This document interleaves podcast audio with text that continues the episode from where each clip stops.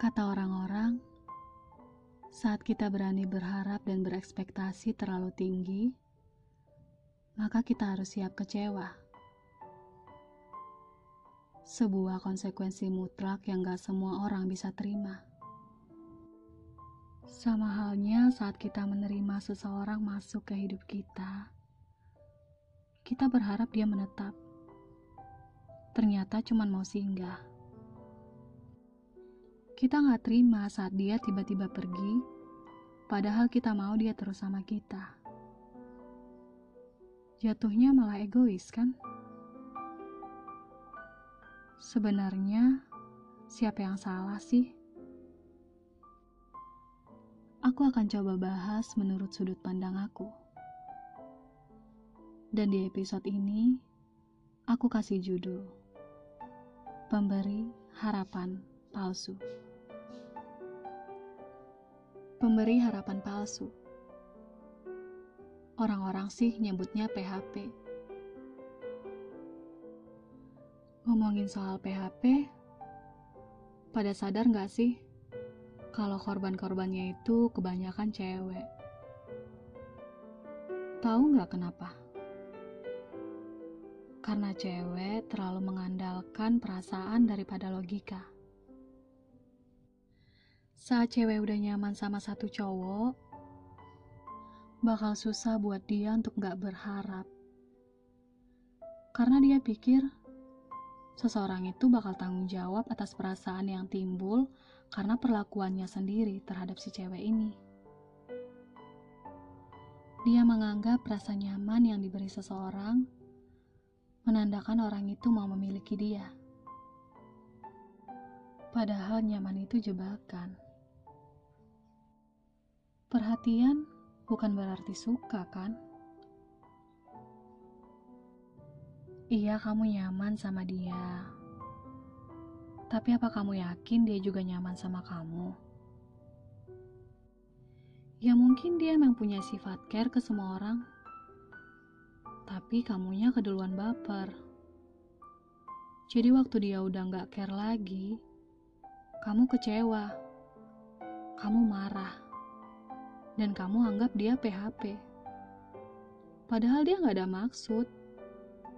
Dia cuma nunjukin siapa dia ke semua orang, termasuk kepada kamu. Dan akhirnya kamu galau. Kamu ringu-ringan, anggap dia jahat, dan anggap kamu adalah orang yang paling tersakiti. Iya, emang gitu sih. Sebagian besar orang yang ngerasa dirinya di PHP-in, pasti ngerasa dia orang paling tersakiti. Sedangkan orang yang dianggap nge-PHP-in, justru nggak ngerasa kalau dia udah nge-PHP-in orang. Nah, itu gimana? Padahal nih ya, menurut aku nggak ada yang namanya PHP. Istilah itu sengaja aja diciptain sama orang-orang yang terlanjur kecewa sama ekspektasinya sendiri. Dia malu nyalahin dirinya sendiri. Jadi bikin istilah PHP untuk menghibur diri. Aku mau kasih ilustrasi deh.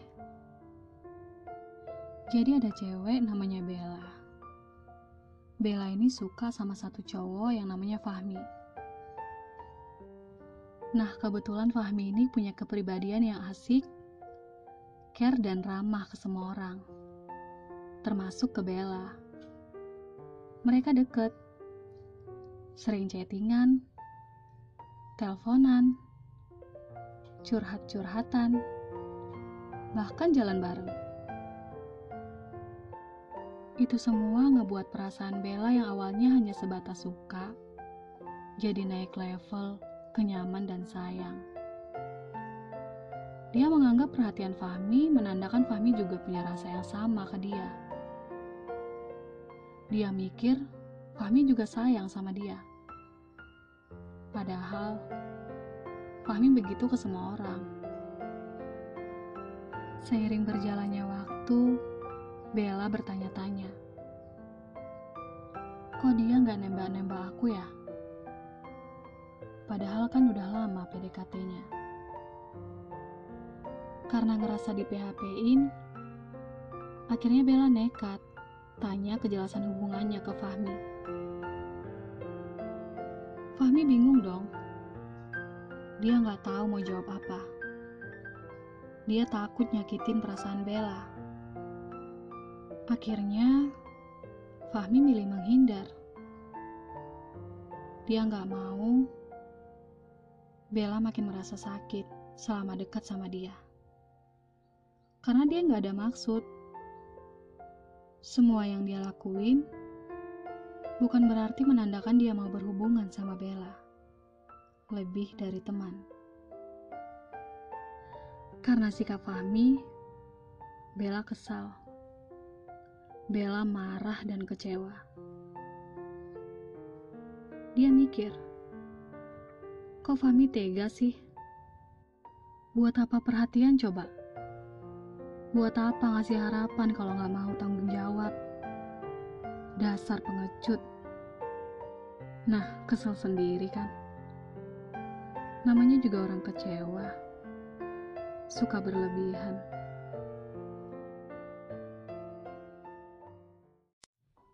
Kalau dari cerita barusan, menurut kalian yang salah siapa sih? Kalau menurut aku ya Bella lah. Kenapa dia berekspektasi?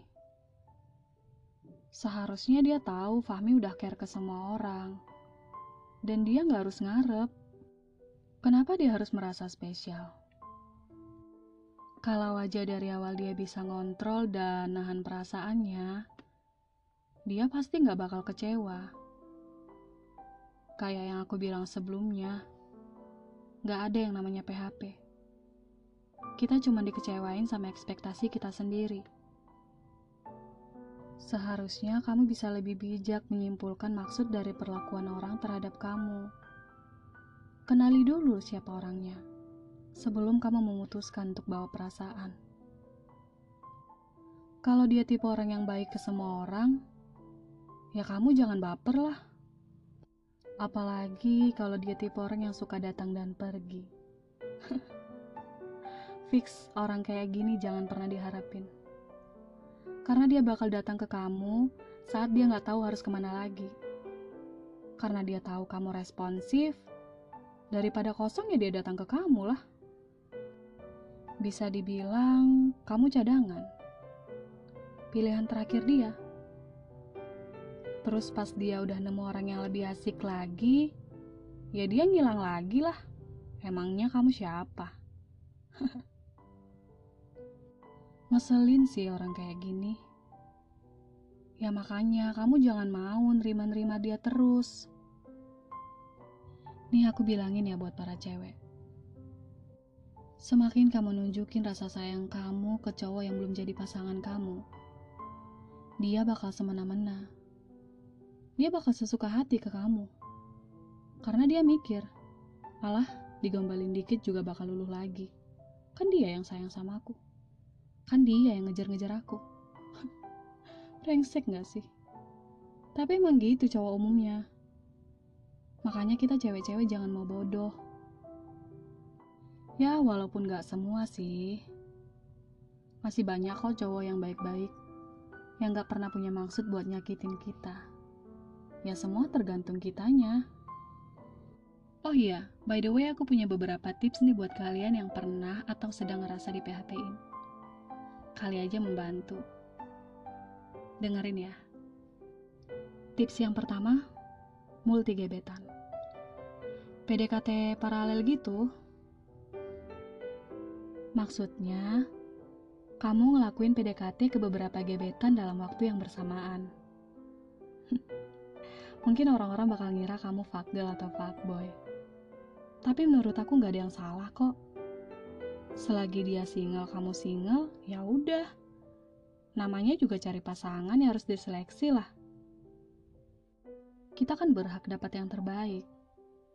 Selain itu juga ini merupakan salah satu upaya kita untuk jauh dari rasa di PHP-in tips yang kedua budayakan sifat bodoh amat ya kamu buka diri tapi jangan terlalu responsif juga. Kalau ada yang datang terima, kalau ada yang pergi ya udah biarin aja. Simple kan? Tapi nggak semua orang sih bisa ngelakuin tips yang ini. Karena nggak semua orang punya sifat bodoh amat dan cuek. Tapi nggak ada salahnya kan dicoba. Yang ketiga, ini nih yang paling penting. Jangan ngarep. Kebanyakan orang nih ya, terutama cewek-cewek, kalau udah diperhatiin dikit, pasti ngiranya orang itu suka. Padahal kan belum tentu. Kamu gak tahu aja berapa orang yang diperhatiin sama dia. Kamunya udah baper. Kamu ngerasa kamu spesial. Satu-satunya. Padahal salah satunya. Jalanin aja dulu. Santai. Ikutin alurnya. Kalau jodoh juga nggak akan ke mana kan? Ngapain harus dipaksa-paksa coba? Nah itu tadi beberapa tips dari aku. Jadi aku mengelurusin sekali lagi ya. Nggak ada yang namanya PHP. Kita cuma dikecewain sama ekspektasi kita sendiri.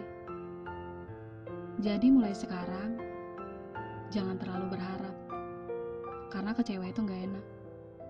Kalau sekarang kamu ngerasa ada orang yang lagi deketin kamu, perhatian, nanyain kabar kamu setiap hari, terus tiba-tiba dia ngilang, jangan dicariin, biarin aja. Ingat gengs, dunia punya 7,5 miliar orang. Buang waktu kalau kamu cuma fokus sama satu orang yang gak serius sama kamu. So please waste your time. Kamu berhak bahagia. Nah, buat menutup episode ini, aku ada satu quotes untuk kalian semua. Kamu boleh membuka diri, tapi bukan berarti kamu bisa mudah memberi hati. Terlebih terhadap seseorang yang belum sepenuhnya kamu pahami. Oke geng, sekian episode kali ini. Semoga nggak ada lagi yang ngerasa di PHP-in ya. Ingat, jangan buang waktumu untuk hal-hal yang tidak penting karena waktu terus berjalan dan gak bisa diputar kembali. Salam aku Fitri dalam podcast Narasi Hati, berbagi kisah hati ke hati sebagai upaya penyembuhan hati. Semangat terus, God bless.